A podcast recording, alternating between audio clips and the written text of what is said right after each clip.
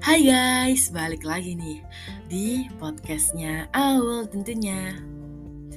Teman-teman, sebelum ngedengerin episode kali ini, pastiin kalian udah ngedengerin dong di episode sebelumnya terkait dengan umroh yang pertama.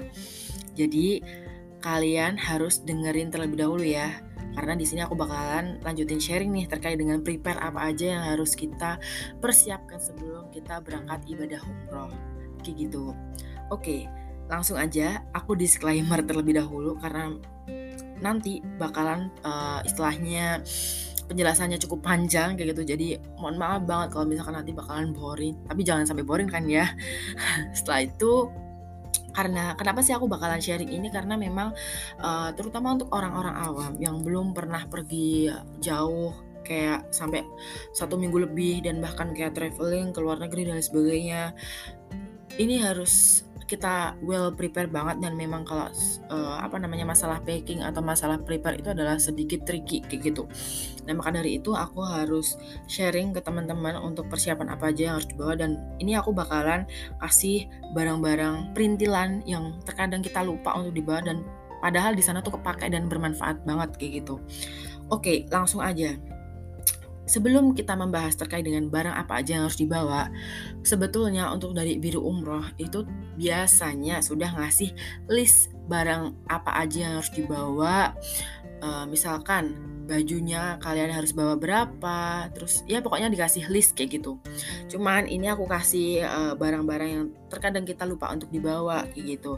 Padahal ini penting banget gitu. Masalah yang kayak gamis, underwear, celana panjang untuk daleman, terus kerudung, rukuh atau mukena itu opsional aja buat kalian. Pokoknya disesuaikan dengan kalian. Kalau misalkan nggak bawa banyak juga nggak apa-apa. Karena jujur kemarin waktu aku uh, prepare ini secara garis besar terlebih dahulu ya.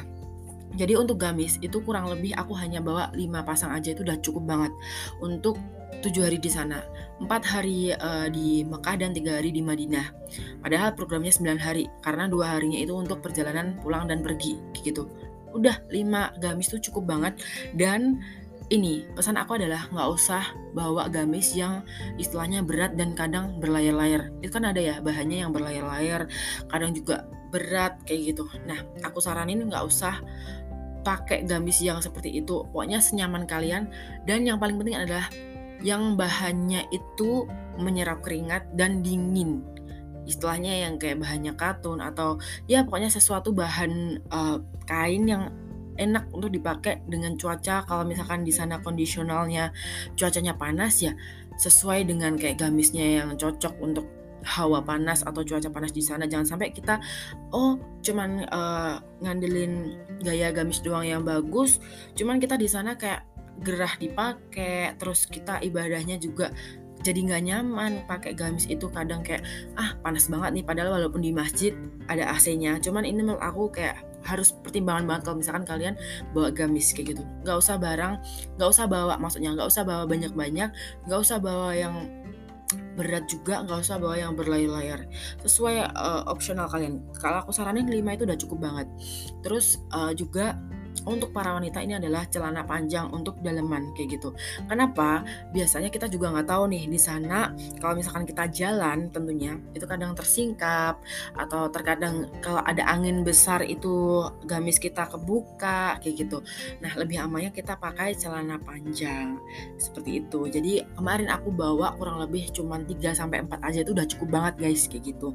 Jadi satu hari itu bisa dipakai dua kali kayak gitu karena nggak begitu kotor kayak gitu udah aman banget untuk 3 sampai 4 dan juga bahannya yang enak yang paling penting untuk kalau misalkan masalah pakaian itu adalah bahannya enak untuk dipakai agar ibadah kita itu khusyuk untuk dipakai ibadah tuh khusyuk kayak gitu sesuaiin dengan cuaca di sana. Jadi kalian sebelum kalian packing atau kalian prepare, kalian tanya terlebih dahulu sama tour leader kalian. Di sana cuacanya lagi apa? Kita nggak tahu kita harus sesuaiin cuaca di sana. Karena kemarin waktu aku berangkat itu cuacanya sangat panas banget. Jadi kita harus prepare yang namanya kayak baju yang senyaman kita untuk kita pakai ketika cuacanya lagi panas kayak gitu. Oke, untuk masalah underwear ataupun kayak pakaian dalam opsional lagi dengan kalian mau bawa berapa, mau bawa sesuai harinya, misalkan 9 hari, 9 pasang itu juga boleh atau dua kalinya itu juga boleh terserah kalian. Cuman menurut aku kemarin aku hanya membawa uh, 5 pasang, 5 pasang, 5 pasang itu udah cukup banget karena adalah sistemnya aku adalah cuci cuci di hotel gitu. Kering kok kalau menurut aku kering jadi aku nyuci setelah pulang subuh pulang setelah subuh nyuci terus nanti malamnya itu udah kering guys kayak gitu. Jadi lebih enak nggak usah barang bawa barang banyak-banyak kayak gitu. Nanti bakalan kita nggak ada ruang ataupun space untuk kayak misalkan kalau kalian mau beli oleh-oleh nggak ada space. Terus kalian nggak ada apa namanya muatan lagi. Karena kan maksimal kalau untuk pesawat yang reguler itu kan maksimal 20 kilo ya. Nah maka dari itu kalian pinter-pinter untuk menata barang, pinter-pinter untuk gimana caranya bebannya itu jangan terlalu banyak untuk kita bawa ke sana kayak gitu. Nanti kita bakalan kayak waktu pulang tuh udah koper tuh kayak koper hamil, koper yang udah melembung gede banget kayak gitu. Nah, langsung aja ini untuk yang kita well prepare banget dan terkadang kita lupa adalah biasanya kaos kaki. Ini untuk uh, wanita ya. Karena di sana kan memang uh, untuk perjalanan dari mau ke hotel ke masjid itu kan udah pasti kalau misalkan kalian keluar kamar hotel kita udah pakai kaos kaki. Pokoknya kita di sana kan pakai kaos kaki terus nih. Kalau misalkan kita keluar dari kamar hotel. Nah, maka dari itu ini menurut aku lebih uh, amannya kita bawa lebih banyak untuk kaos kaki. Kenapa? Kita nggak tahu kalau misalkan kita oh ternyata uh, apa namanya pemikiran kita satu hari satu kaos kaki, satu pasang kaos kaki aja kayak gitu. Cuman kita nggak tahu kalau misalkan di tengah-tengah perjalanan oh ternyata kita mau mampir ke toilet terlebih dahulu untuk ke belakang terus kita nggak tahu kena najis atau enggak kayak gitu. Nah maka dari itu lebih amannya kita bawa lebih lebih itu jangan terlalu banyak. Maksudnya kan tadi gamis aku saranin cuma 5 celana panjang itu cuma 3 sampai 4 aja. Nah kalau yang kaos kaki ini aku bawa kemarin juga 5 sampai 6 pasang itu udah cukup banget kayak gitu.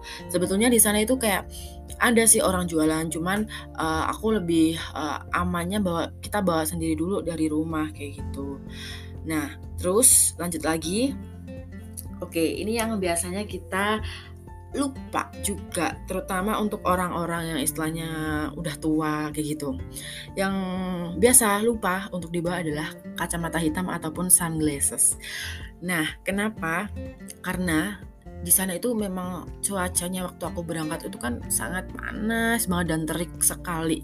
Nah terutama waktu kita diajak oleh biru umrohnya untuk city tour itu kalau misalkan kunjungan mau ke Jabal Uhud, Jabal Rahmah, Jabal Sur itu udah pasti panas banget karena di sana kan pegunungan ya, tandus kayak gitu.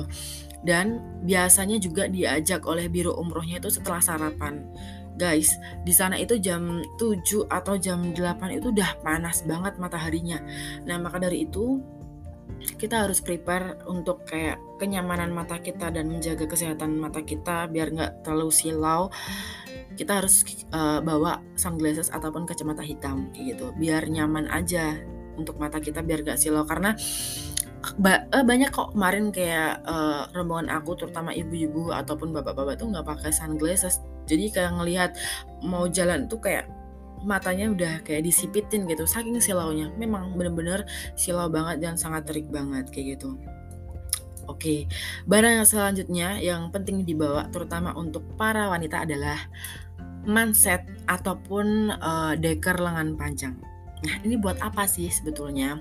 Nah, sebetulnya terutama waktu kalian melaksanakan umroh waktu tawaf kayak gitu. Kan kalian tahu kalau misalkan kalian tawaf untuk memulai uh, putaran pertama sampai putaran ketujuh itu kan dimulai dari Hajar Aswad dan uh, tandanya adalah kita mengangkat tangan kanan sambil mengucapkan Bismillahi Allahu Akbar dan juga kita mengecup uh, dari kejauhan Hajar Aswad itu kayak gitu seakan-akan kita mengecup Hajar Aswad walaupun kita dari kejauhan dengan mengangkat tangan kita. Nah biasanya kalau misalkan kita mengangkat tangan kita apalagi lengan gamisnya itu gede. Itu udah otomatis lengannya itu tersingkap ke bawah. Apalagi yang bahannya tuh licin gamisnya itu udah pasti tersingkap ke bawah sampai siku. Nah jangan sampai ya kelihatan auratnya. Makanya lebih aman ya kita pakai deker lengan panjang yang sampai punggung tangan itu ataupun manset lengan panjang. Jadinya nggak usah apa namanya takut untuk uh, terbuka auratnya dan lebih aman aja. Karena kemarin aku bawa sekitar 3 sampai 4 pasang deker uh, deker sampai punggung tangan itu aku sesuaiin yang warnanya netral untuk gamis aku dan matching kayak gitu jadinya aman untuk kita pakai. Bukan waktu tawaf aja ya waktu di Madinah waktu di Mekah itu pun udah aku pakai deker lengan panjangnya itu. Gitu guys Oke, sampai sini udah boring belum nih? Padahal masih banyak guys. Terus lanjut uh, terkait dengan barang apa aja yang biasanya lupa atau orang awam itu terkadang lupa nggak kepikiran untuk dibawa yaitu adalah topi ataupun payung. Nah sebetulnya kalau topi itu kan matchnya sama si sunglasses ini karena waktu cuacanya panas kayak gitu. Nah untuk payung, kenapa aku rekomendasiin bawa payung? Nah sebelumnya walaupun aku itu uh, kemarin udah dikasih tahu dari tour leader aku sebelum berangkat, di sana cuacanya sangat panas banget. Cuman aku tahu banget waktu kemarin itu sebelum aku berangkat umroh, hamin satu minggu sebelum aku berangkat umroh, teman aku ngepasin banget di sana waktu lagi di Mekah itu ternyata qadarullah hujan deras banget guys, hujan deras banget. Itu tiga hari tiga atau dua hari nanti di sana itu teman aku waktu di Mekah itu hujan deras banget. Nah maka dari itu lebih amannya kita bawa payung. Nah, sebetulnya kalau misalkan kalian ah nggak usah bawalah berat banget. Di sana kan ada supermarket kayak gitu. Memang ada, cuman kan kita nggak tahu prediksinya di sana stoknya banyak atau enggak kayak gitu. Bisa nggak kayak stoknya itu memenuhi jamaah umroh sedunia untuk kapasitas yang banyak itu ada nggak sih stoknya kayak gitu. Nah maka dari itu kemarin aku setiap anggota keluarga per individu itu bawa payung. Dan kepake kok tetap kepake kepakainya di mana? Ketika lagi-lagi city tour kayak gitu. Waktu ke Jabal Uhud Jabal Rahmah Jabal Sur. Terus waktu ke mana? Masjid Kuba karena panas bener-bener panas banget guys. Itu kepake banget biar nggak terlalu panas untuk diri kita sendiri kayak gitu. Terus lanjut lagi Barang yang penting untuk dibawa adalah sandal jepit ataupun alas kaki yang kita pakai ketika uh, apa ya istilahnya mau perjalanan dari hotel ke masjid lah. Sebetulnya opsional aja. Kalau misalkan kalian nyamannya dari hotel ke masjid pakai sepatu ya nggak apa-apa gitu. Cuman menurut aku agak ribet ya. Karena memang di sana sistemnya itu nggak kayak di masjid Indonesia guys. Karena kalau misalkan kalian itu di sana uh, apa namanya melepas alas kaki terutama itu enggak uh, apa ya semena-mena kayak ditaruh di mana aja kayak gitu enggak jadi di sana ketika kalian sudah memasuki pelataran Masjidil Haram udah mau masuk masuk masjid itu pun uh, apa namanya sandal tuh kita lepas dan kita bawa sendiri dimasukin ke kantong plastik ataupun tas yang udah dikasih dari biru umroh kayak gitu. Tas gendong kayak gitu itu harus kita masukin dan kita bawa sendiri sendiri sendiri kayak gitu. Sebetulnya ada kayak locker cuman menurut aku kayak kok nggak aman ya. Maksudnya di sana bakalan tercampur dengan orang-orang lain yang banyak banget. Dan terkadang juga uh, si cleaning service-nya juga uh, nyingkirin sandalnya itu ataupun bahkan dibuang guys. Kayak gitu. Dikiranya kayak sandal itu udah nggak kepake daripada ngeganggu apa namanya pemandangan jadi nggak enak kayak kok sandal di mana-mana dikira ini nih kayak udah nggak kepake gitu. Dibuang sama si cleaning service-nya itu beneran. Jadi lebih amannya kita pakai uh, sandal jepit kayak gitu. Kalau misalkan kalian berangkat dari tanah air ya nggak usah pakai sandal jepit juga gitu. Sandal jepit itu uh, terutama untuk kalian mau perjalanan dari hotel ke uh, masjid gitu gitu. Kalau misalkan kalian berangkat pakai sepatu uh, dari tanah air pakai sepatu atau pakai sepatu sandal itu terserah kalian, opsional aja guys. Nah, lanjut untuk barang yang biasa kita bawa di sana itu ini penting banget nih biasanya adalah botol tempat minum ataupun termos kayak gitu.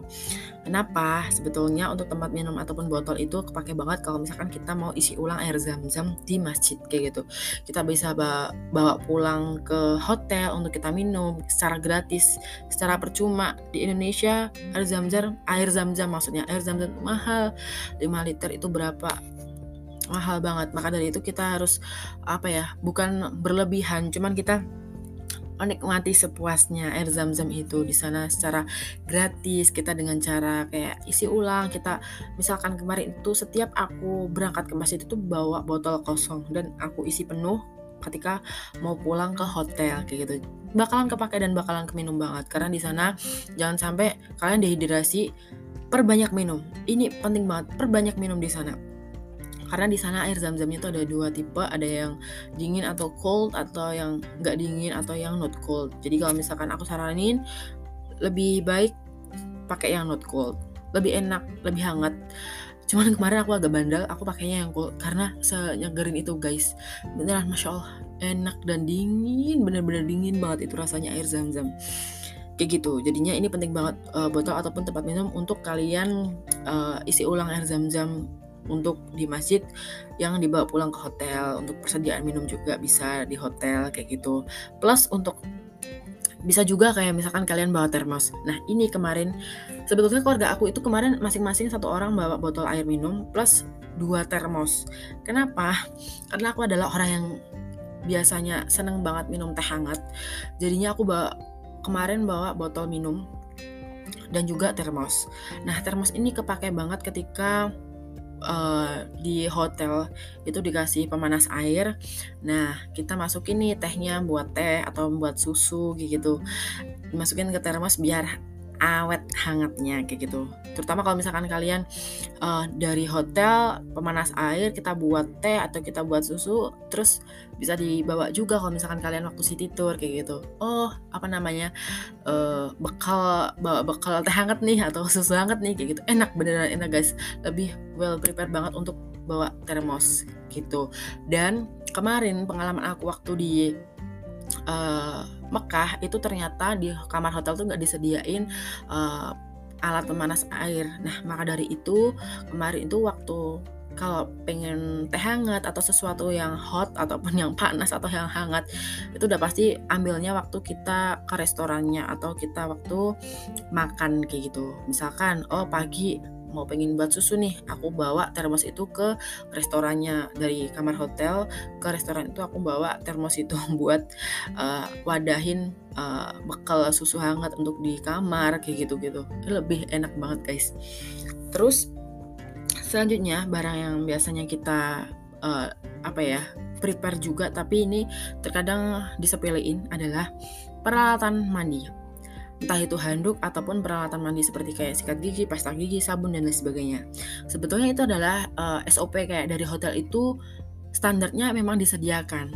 Nah, cuman kemarin pengalaman aku waktu di Madinah itu it's okay, bagus uh, fasilitasnya bagus, ada pemanas airnya, ada fasilitas untuk peralatan mandinya itu juga lengkap. Nah, berbeda halnya waktu di Madinah, eh waktu di Mekah maaf waktu di Mekah itu ternyata di sana cuman disediain uh, handuknya itu cuman dua aja plus peralatan mandinya cuman satu aja kayak gitu nah kalau di Madinah tuh lengkap uh, walaupun handuknya itu empat tapi peralatan mandinya cuma dua. Nah, maka dari itu jangan kita sepele ini waktu prepare nanti dimasukin di koper itu harus kita masukin yang namanya peralatan mandi. Nggak usah yang gede banget, yang tebel banget tuh handuk, nggak usah. Karena bakalan kita tuh di sana tuh mandi. Ya kalau kemarin ya aku kemarin tuh pengalamannya aku mandi itu waktu sebelum berangkat tahajud ke masjid itu sekitar jam 2 pagi. Dan mandinya itu waktu kita selesai sholat isya. Bayangin guys itu sekitar jam setengah 10 10 habis itu kita tidur. Jadi mandinya tuh ya cuman bisa dibilang satu kali sehari. Kayak gitu. Karena uh, secara tidak langsung kalau kita di sana itu ya kita fokusnya ibadah dan juga jarang istirahat lah di kamar hotel paling kan cuma tidur malam itu sekitar 4 jam itu udah kayak mentok banget gitu jadi kita maksimalin ibadah di sana gitu guys dan juga uh, terutama untuk para wanita. Kalau misalkan kalian mau membawa mukena dua, it's okay nggak apa-apa. Cuman kemarin aku bawa mukena satu aja plus satu atasan mukena yang dikasih dari biro umroh aku. Yang bahannya parasut. Jadinya memang agak simpel dan ringan. Nah maka dari itu aku bawa satu mukena aja lengkap dari bawahan dan atasan plus satu atasan mukena yang dikasih dari biru umroh yang bahannya parasut. Gitu. Jadi aman. Masih aman banget kok. Kalau misalkan kalian di sana oh sholat gak usah pakai mukena ya is okay. yang penting uh, yang kalian pastiin adalah uh, nggak najis dan juga bersih dan menutup aurat. Itu yang paling penting kayak gitu. Terus lagi barang yang biasanya kita lupa untuk kita bawa adalah makanan dari Indonesia. Sebetulnya ini adalah opsional dari kalian cuman mengatasi kalau misalkan ternyata kita nggak doyan makanan di sana. Lidah kita adalah lidah lokal lokal Indonesia gitu. Lokal lokal micin kayak gitu. Nah kalian harus prepare yang namanya bawa makanan Indonesia. Kemarin keluarga aku itu bawa yang namanya abon abon sapi serundeng terus sambal itu udah pasti dibawa. Nah kemarin pengalaman aku waktu di pesawat pun itu rombongan umroh aku belakangku itu ada sepasang suami istri yang waktu di pesawat dikasih makan. Dia udah prepare bon cabe guys. Bubuk cabe. Karena emang sebegitu lokalnya lidah kita kalau misalnya kita nggak uh, apa ya kalau nggak pedes tuh nggak enak kayak gitu. Maka dari itu kalau misalkan kalian memang pengen bawa sambal bawalah bawalah sambal. Kalau pengen bawa kering tempe bawalah kering tempe. Kalau misalkan kalian mau kerupuk bawalah kerupuk. Nah terserah kalian mau prepare karena kita nggak tahu uh, makanan yang disediain di hotel itu seperti apa. Karena pengalaman aku kemarin waktu di hotel Madinah itu hmm, menurut aku kayak agak nggak cocok. Cuman ya masih masuk aja sih makanannya. Cuman uh, rasanya taste-nya juga kurang kayak gitu-gitu. Tapi tetap kita nikmatin dan banyak banget kemarin waktu rombongan umroh yang udah para lansia itu masih lahap banget masya Allah kayak karena di sana tenaganya terforsir harus makan kalorinya tenaganya harus butuh banyak dan juga waktu di Mekah alhamdulillah banget karena di sana tenaga masaknya atau chefnya itu dari orang Indonesia. Semua pekerja yang ada di hotel di Mekah itu adalah pekerja Indonesia. Jadi, wah, udah pasti ngobatin kangen banget makanan Indonesia. Karena waktu itu dimasakin kayak uh, gado-gado atau pecel. Terus habis itu dikasih juga sayur bening. Terus habis itu dimasakin kayak bubur kacang hijau. Terus uh, es buah belewah kayak gitu. Melon kayak ah sumpah itu ngobatin kangen banget waktu uh, di Makkah dengan makanan-makanan Indonesia. Terus yang paling penting lagi dan terkadang lupa adalah obat penunda haid bagi wanita. Jadi sebelum kalian berangkat terutama kalian harus uh, konsultasiin terlebih dahulu ke dokter untuk uh, obat penunda haid kan kita nggak mau ya misalkan di sana pengennya beribadah maksimalin ibadah karena di sana pahalanya sangat luar biasa sekali memperbanyak ibadah di sana eh ternyata kodarullah haidnya keluar atau menstruasinya keluar. Nah, maka dari itu kita harus prepare yang namanya kita harus konsultasi terlebih dahulu untuk bisa ngedapetin obat penunda haid. Nah, kemarin saran dokter aku itu lebih baik hamin dua minggu sebelum kalian berangkat umroh itu udah konsumsi. Tapi ini harus dengan sesuai resep dokter ya. Kalau pengalaman aku kemarin hamin dua minggu sebelum aku berangkat dan juga konsumsinya harus konsisten. Kalau di Indonesia kemarin kan konsumsinya itu disaranin satu hari dua kali dua kali dalam sehari pagi dan malam. Itu harus konsisten. Kalau minumnya pagi jam 8 malamnya juga jam 8 gitu. Dan juga kalau misalkan waktu di sana kalau di Indonesia jam 8 berarti otomatis di sana mundur 4 jam gitu. Jadi jam 8 jam 4 pagi aku subuh tuh harus bawa ini oh, obat penunda haid itu aku minum waktu uh, di masjid kayak gitu. Waktu sholat asar mau menjelang maghrib pun aku minum lagi gitu. Jadi aku pakai jam tangan tuh masih jam Indonesia untuk pengingat ini uh, konsumsi obat penunda haid. Kalau misalkan kalian lupa dan nggak konsisten itu udah otomatis bakalan jebol udah pasti kayak gitu makanya harus konsultasi terlebih dahulu dengan dokter baik dokter biasa ataupun dokter mau spesialis objek juga boleh terserah kalian dan yang terakhir Semoga yang terakhir ya ini. yang terakhir adalah SIM card. SIM card ataupun kartu untuk mau di sana itu kalian mau setting seperti apa. Sebetulnya kayak SIM card yang ada di Indonesia itu bisa dikasih uh, pengaturan untuk bisa dipakai di sana dengan cara data roaming kayak gitu. Jadi banyak banget pilihannya bisa pakai uh, GSM Indosat, Telkomsel, XL3 itu setauku ya. Karena kemarin sama keluarga aku pakai Telkomsel jadi maketinya beli pulsa terlebih dahulu. Terus kalian pilih paketnya itu kalian mau paket berapa hari. Cuman kemarin dari keluarga aku walaupun kemarin programnya umroh adalah 9 hari aku lebih amannya uh, pakai yang uh, apa namanya aman pakai yang uh, paketan untuk 12 hari umroh kayak gitu. Karena kalau 9 hari kita maketnya hari H di sana itu udah otomatis kepotong satu. Nah maka dari itu mending kita uh, bayar agak lebih karena cuman apa ya cuman karena yang paling murah itu kalau nggak salah uh, 200-an sekian. Terus yang 12 hari kemarin aku beli adalah 350 itu udah kenceng banget di sana jaringannya. Nah sebelum kalian berangkat itu udah pastiin kalian aktifin dan uh, apa namanya registrasi terlebih dahulu untuk paketan roaming di sana. Jadi kalau misalkan kalian mau berangkatnya uh, terutama misalkan hari ini nih hari ini oh berangkatnya jam 10 bi 10 siang udah sampai bandara tanah air misalkan di Suta gitu jam 10 nah sebelum kalian berangkat ke bandara paginya misalkan masih uh, dari rumah ataupun dari hotel transit dari bandara itu kalian jam 6 pagi ataupun kalian setelah bangun tidur itu pastiin kalian aktifin tuh registrasiin. Karena banyak banget kemarin kayak jamaah-jamaah umroh itu aku nemuin kayak kasihan banget belum mengaktifin dan lain sebagainya. Sebetulnya dari biro umrah aku kemarin itu nawarin guys. Nawarin kartu tri yang langsung pakai gitu. Jadi nggak usah registrasi dan lain sebagainya. Cuman aku ya udah kayak tri tri di sana. Aku takutnya jaringannya kayak uh, jelek kayak gitu. Maka dari itu ah pakai telkomsel aja deh.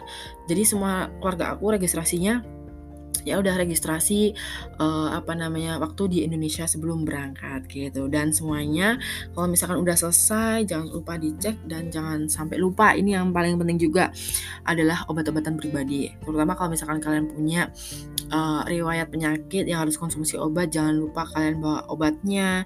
Terus juga kalian kalau misalkan oh dikit-dikit gampang pusing gampang capek gampang masuk angin kalian harus prepare well prepare banget. Karena di sana masya allah harga obatnya mahal sekali dan harus dengan resep dokter.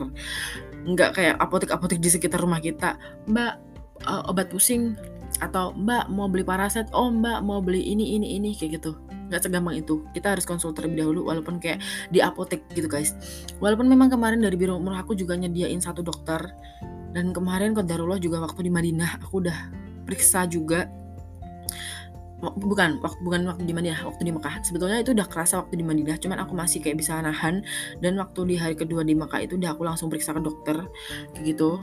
Maka dari itu kalian harus prepare banget yang namanya obat-obatan pribadi daripada kalian beli di sana mahal kayak gitu. Jadi menurutku itu aja yang barang-barang harus dibawa dan terkadang kita lupa tentunya.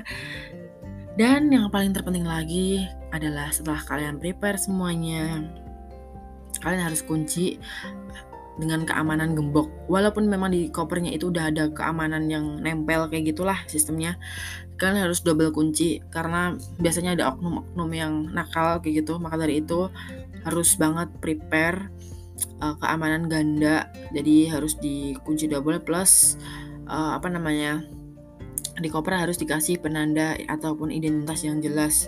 Biar tahu itu koper punya siapa. Udah langsung jelas oh itu punya aku punya aku punya aku. Udah langsung penandanya gede banget. Udah nggak bakalan ketukar sama yang lain kayak gitu.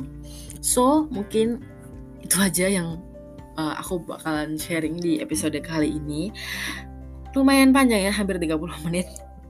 Jadi mohon maaf banget kalau misalkan kalian bakalan ngerasa boring ngedengerin podcast ini. Cuman ini sesuatu yang mungkin bisa bermanfaat untuk kalian yang mau berangkat ibadah umroh prepare apa aja. So gitu dulu mungkin uh, yang aku bisa sharing di umroh yang part kedua ini. Dan tunggu lagi di episode selanjutnya. Bye bye